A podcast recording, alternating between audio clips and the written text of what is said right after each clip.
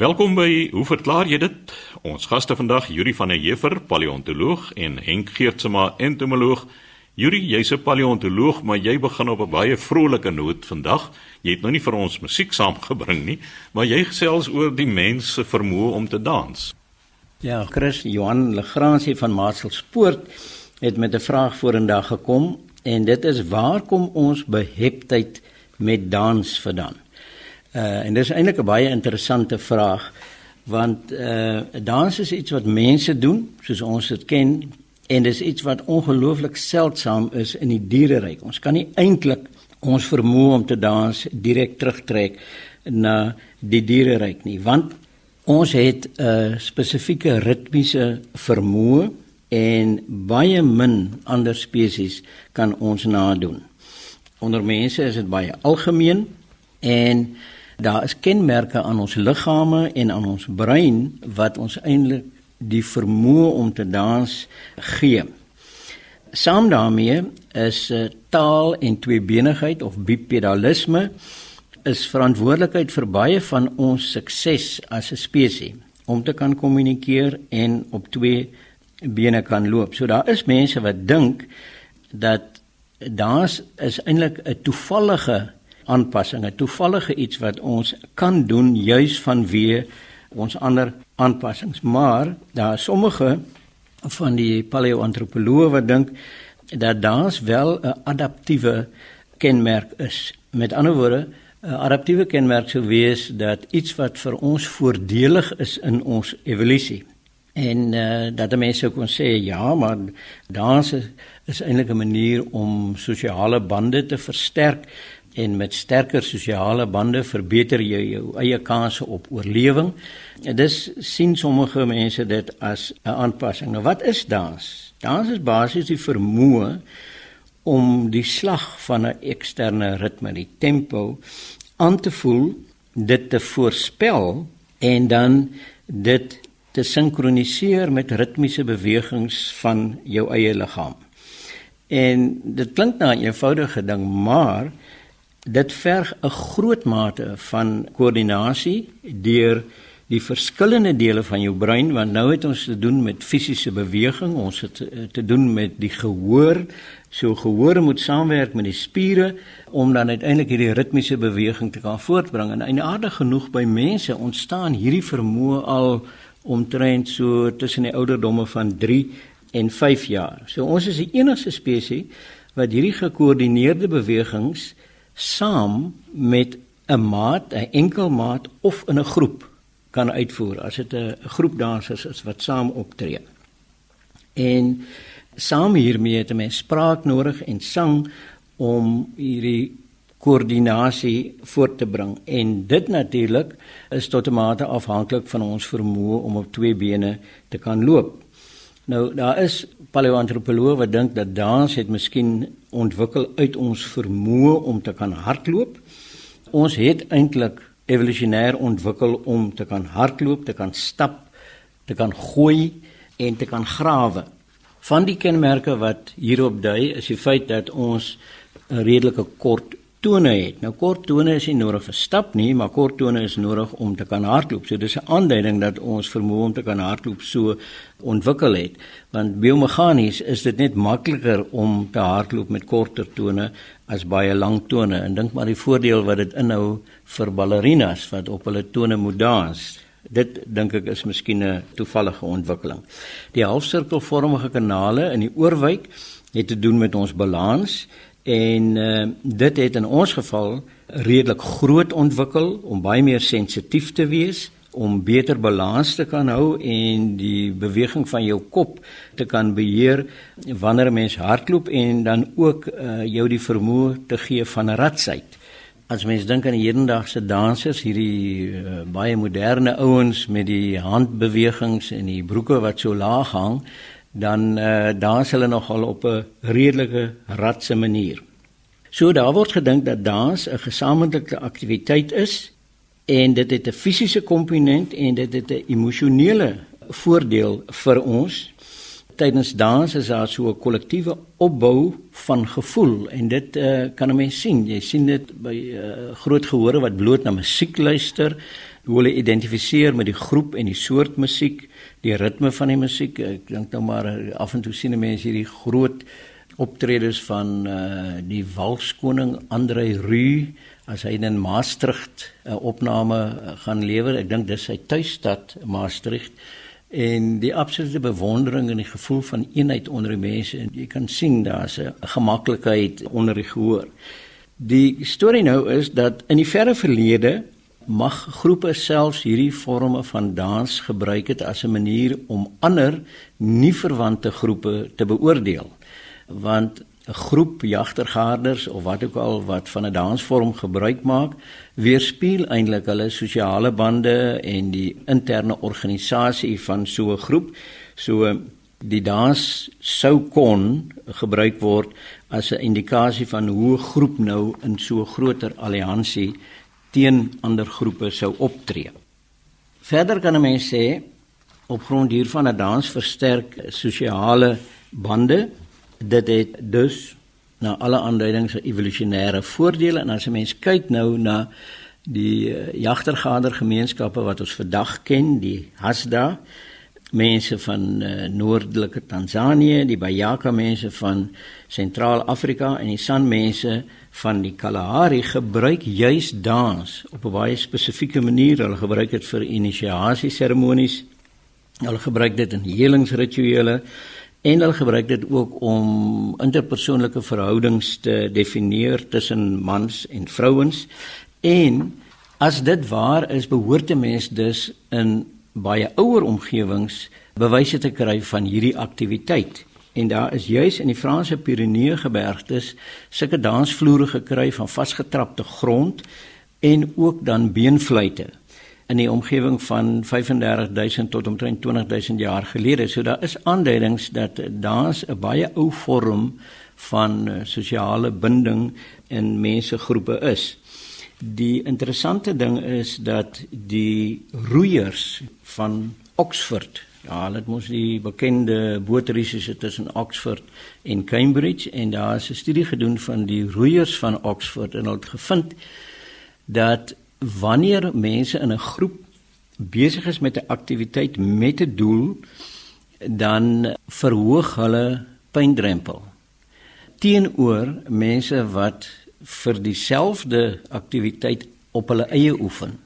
So daar is duidelike aanduidings dat hierdie aktiwiteit van dans vir ons voordelig is en van die nuutste navorsing nou toon dat mense met byvoorbeeld Alzheimer as hulle kan gehelp word om aan dansoefeninge deel te neem, dan verbeter dit hulle fisieke toestand, hulle is nie so gestremd nie, beweeg makliker en dit verhoog ook die moontlikheid dat hulle beter sosiale bande kan vorm as gevolg van die interaksies op die dansvloer.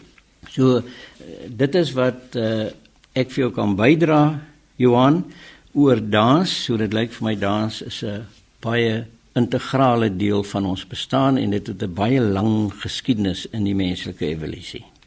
Yuri, nou ek is 'n bioloog en die ding is natuurlik Dans kom voor by paradysvoëls, by skorpioene, by byvoorbeeld spinnekoppe. Dis 'n algemene ding. En ek sien jy huiwer om die woord paringsgedrag te gebruik, want dit is eintlik die kern van dans.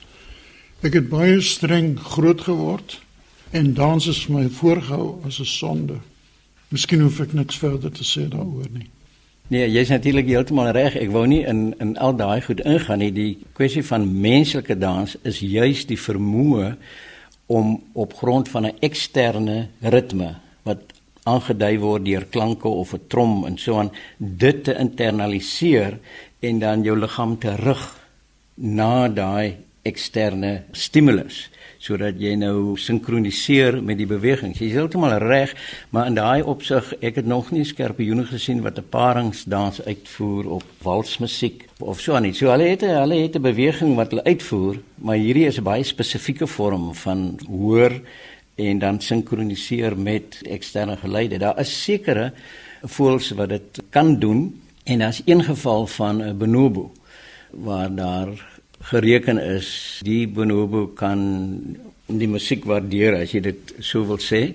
En daar's een geval van ek dink 'n Celio wat hulle in sirkusse gebruik waar die mense gedink het die kopbewegings uh, sinkroniseer met musiek maar hulle het nie geweet of dit dalk miskien baie fyn syne van die hanteerder is nie. Jy sal die geval onthou van daai perd Slim Hans wat kon wiskunde doen. Hy kon 2 + 2 optel en dan kap hy met sy poot 4 keer. Maar toe hulle sy hanteerder agter 'n skerm sit, toe kon die perd nie reageer nie want die hanteerder het op die kritieke oomblik onwillekeurig bewegingkies gemaak wat die perd opgetel het. So uh, nee ons dans is 'n is 'n baie komplekse ding. So sê Yuri van der Heever, ons paleontoloog. Nou, Henk, jy het 'n pragtige skets ontvang, maar wat my ook opgeval het is die luisteraar die plaas of die plek waar hulle vandaan kom is Leraatsfontein, 'n besondere naam vir 'n plaas vermoed ek. Ek was werklik geïnteresseerd toe ek die brief kry van Duik Zeeman van Leraatsfontein by Witbank. Dis daar Emma Lasleni. En ek het die foto of die tekening bekyk en bekyk en toe kom ek agter hierdie luisteraar het raak gevat. Maar ek lees sy brief. Hy sê ek en my vrou bly nou al bykans 60 jaar in Witbank en onlangs het ons vir die eerste keer hierdie insek gedoen in die aand in ons kombuis raak gesien. My vrou het hom met 'n vleeplak gedood en ongelukkig taamlik beskadig. Sy oorblyfsels het ons dadelik gefassineer en hom behoorlik onder 'n vergrootglas bekyk. Hy is eintlik baie klein Nou luister as dit is vir my altyd interessant dat 'n insek word as 'n hy bestempel. Terwyl dit kan ook 'n wyfie wees, dan is dit sy. En omdat die ding so beskadig was, was dit moeilik om 'n foto hiervan te neem. Maar met die beskikbare oorblyfsels van sy geraamte het ek besluit om maar 'n skets hiervan te maak en hom omtrent 8 keer vergroot en die skets is aangeheg. Hy het twee baie lang voelers ses pote en ses eienaardige soort van tentakels. Nou luisteraars, ek het omtrent 40 jaar klas gegee in entomologie. En as 'n student vir my sê 'n insek het ses pote, dan toe kom afgemerk. Want geen insek het ses pote nie. 'n Insek het 3 paar pote. Sou 'n insek ses pote hê, kan hy 5 pote op die een kant hê en een op die ander kant, want soos jy weet, is 'n insek bilateraal simmetries. Die een helfte is gelyk aan die ander helfte. Maar dit terloops. Nou die ses eienaardige soort van tentakels. Sy twee vlerkies is baie dun en deurskynend. Nou wil duik seeman graag weet, wat die naam van die insek? Waar kom hy normaalweg voor? Kan hy skade aanrig? Is hy volgroeide een, maar slegs 10 mm lank? En wat is sy metamorfose? Nou, die insek is verwant aan die stinkbesies of verwelkbesies, die familie Coreidae. En hierdie besondere insek se genusnaam is Pefricus. Daar's 3 soorte in Suid-Afrika. Nou dis 'n plantsuiende groep van verwelkbesies. Normaalweg as mens rose of dahlias in die tuin het, kry mense sulke groot swarterige stinkbesies wat 'n baie nare reuk afskei. Nou hierdie insek is verwant aan hulle.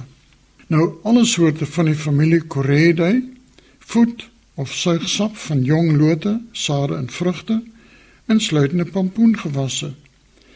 Hulle groottes van die familie wissel van 5 tot 40 mm. So 10 mm is nie ongewoon nie. Maar hulle het reukkliere wat tussen die middel en agterpote sit. By sommige soorte is die agterpote vergroot met stekels veral byvoorbeeld die wat op buffelsbal voorkom. Dit is 'n uh, plant met vrugte wat 'n mens aan buffels laat dink. En die stingbesies of verwelkbesies kan werklik hierdie plant tot nut maak. Nou, die tekening wat jy vir my gegee het, is kenmerkend van die stekels op die rugkant. Die stekels sal jy sien is bruinerig met so 'n mooi wit soem. Nou, Die insek wat u gekry het word met grasse geassosieer, veral in die bosveld. Hulle kom reg deur Suid-Afrika voor, behalwe in die Vrystaat, dele van die Noordwes en Lesotho, Met ander woorde in al die grasryke gebiede kan hy skade aanrig. Hierdie insek is redelik seldsaam. So die bietjie skade wat hy sal aanrig is nie eintlik van belang nie. Is dit 'n volgroeide ene? Ja, hy is volgroeid, want sy vlerke is volledig ontwikkel en hierdie soort is maar net 10 mm lank self. Nou wat is 'n metamorfose? Nou die metamorfose by insekte is van drie soorte. Ons praat ook van gedaanteverwisseling.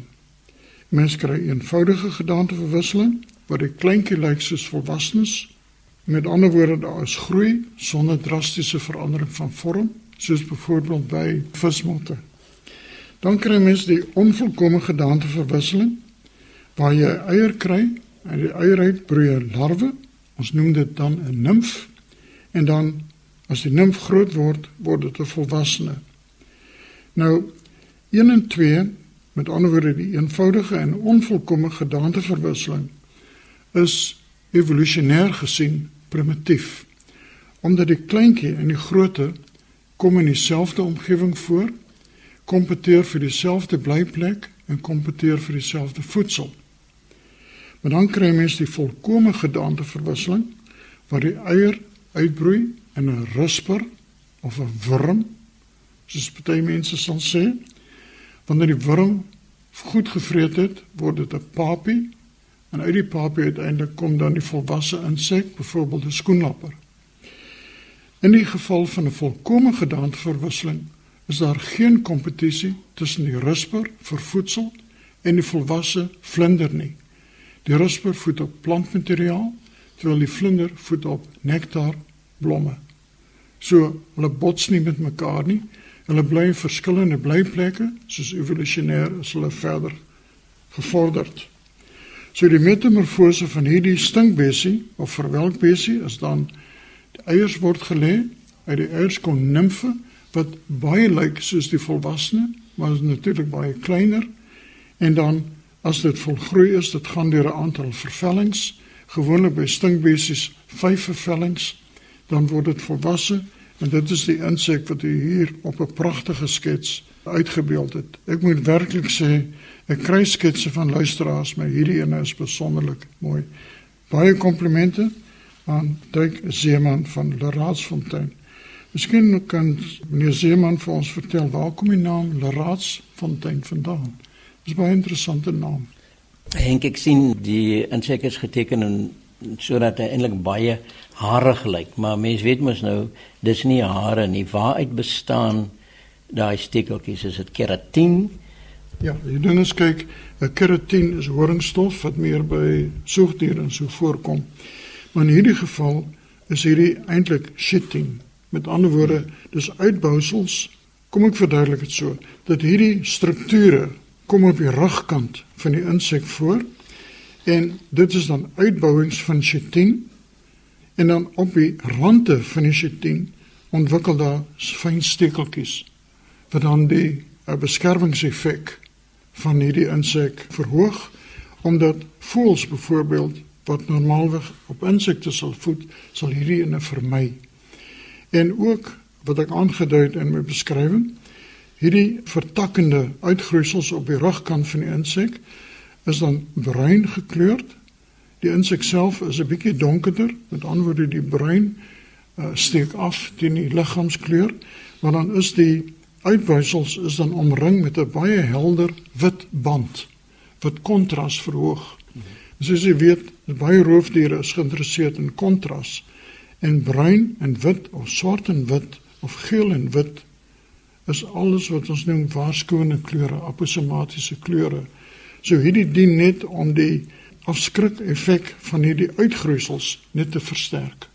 En as jy mens nou na die na die punte van die ledemate kyk, dan lyk dit of daar sulke klossies uitgroeisels aan het. Sou dit 'n funksie hê? Ja, die ding is net wat die tekenaar hierso geteken het, is die gewone wat ons noem die tarsus van die insek.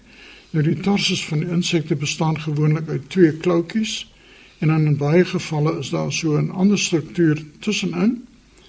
En dit is wat lyk soos klein uitbousels, maar eintlik is dit net die voetgedeelte van die insekpoot met twee kloutjies het wat dan leer om vas te kan klou. Hierdie strukture op die agterkant is eintlik is dit een groot mens kry 'n struktuur op die borskant en dan op die abdomen of op die agterlyfse kant kry mens dan soortgelyke uitbousels. So hulle is net verwant aan mekaar.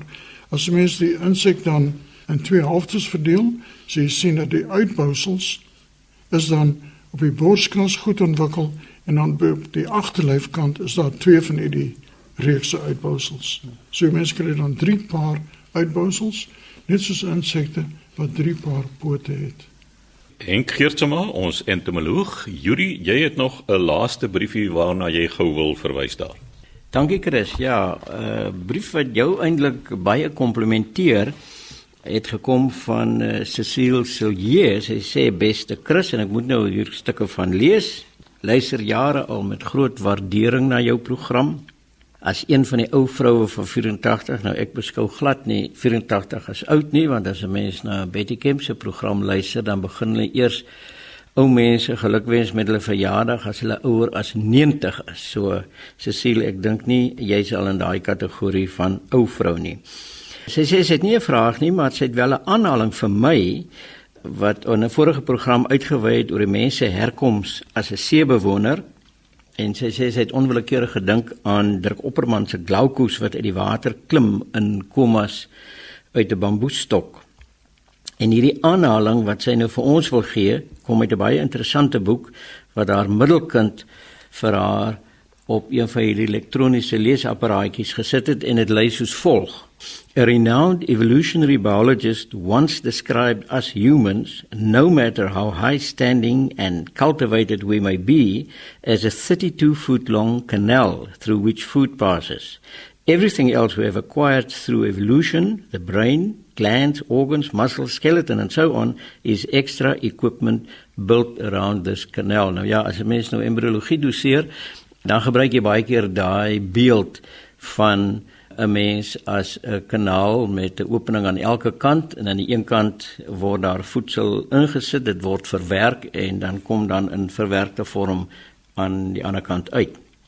Nou die aanhaling wat sy hier gee kom uit die boek met die naam van Shark Drank deur en ek hoop ek spreek die naam reg uit as 'n Noorweer geskiedkundige Morten Stroksnes en ehm um, hy het die boek geskrywe Shark Drank En uh dit is oënskynlik 'n jagtog op uh Groenland haie, maar ek het die boek self nie gelees nie, maar ek het na die resensies gaan kyk en daar word algemeen aanvaar dat dit werklik 'n boek is vir die moeite werd is om te lees want teen die agtergrond van so 'n jagtog na die Groenland haai word daar geweldige interessante goed gesê oor die natuur, oor die see, oor seelewe, ons betrokkenheid of hoe ons behoort betrokke te wees by die seelewe. So die boek Cecile gaan beslis op my leeslys wees en baie dankie vir jou vriendelike woorde. So sê Yuri van der Heever, paleontoloog, daar het die tyd ons weer ingehaal. Skryf gerus aan ons by hoe verklaar jy dit? Posbus 2551 Kaapstad 8000 of stuur 'n e-pos aan chris@rsg.co.za.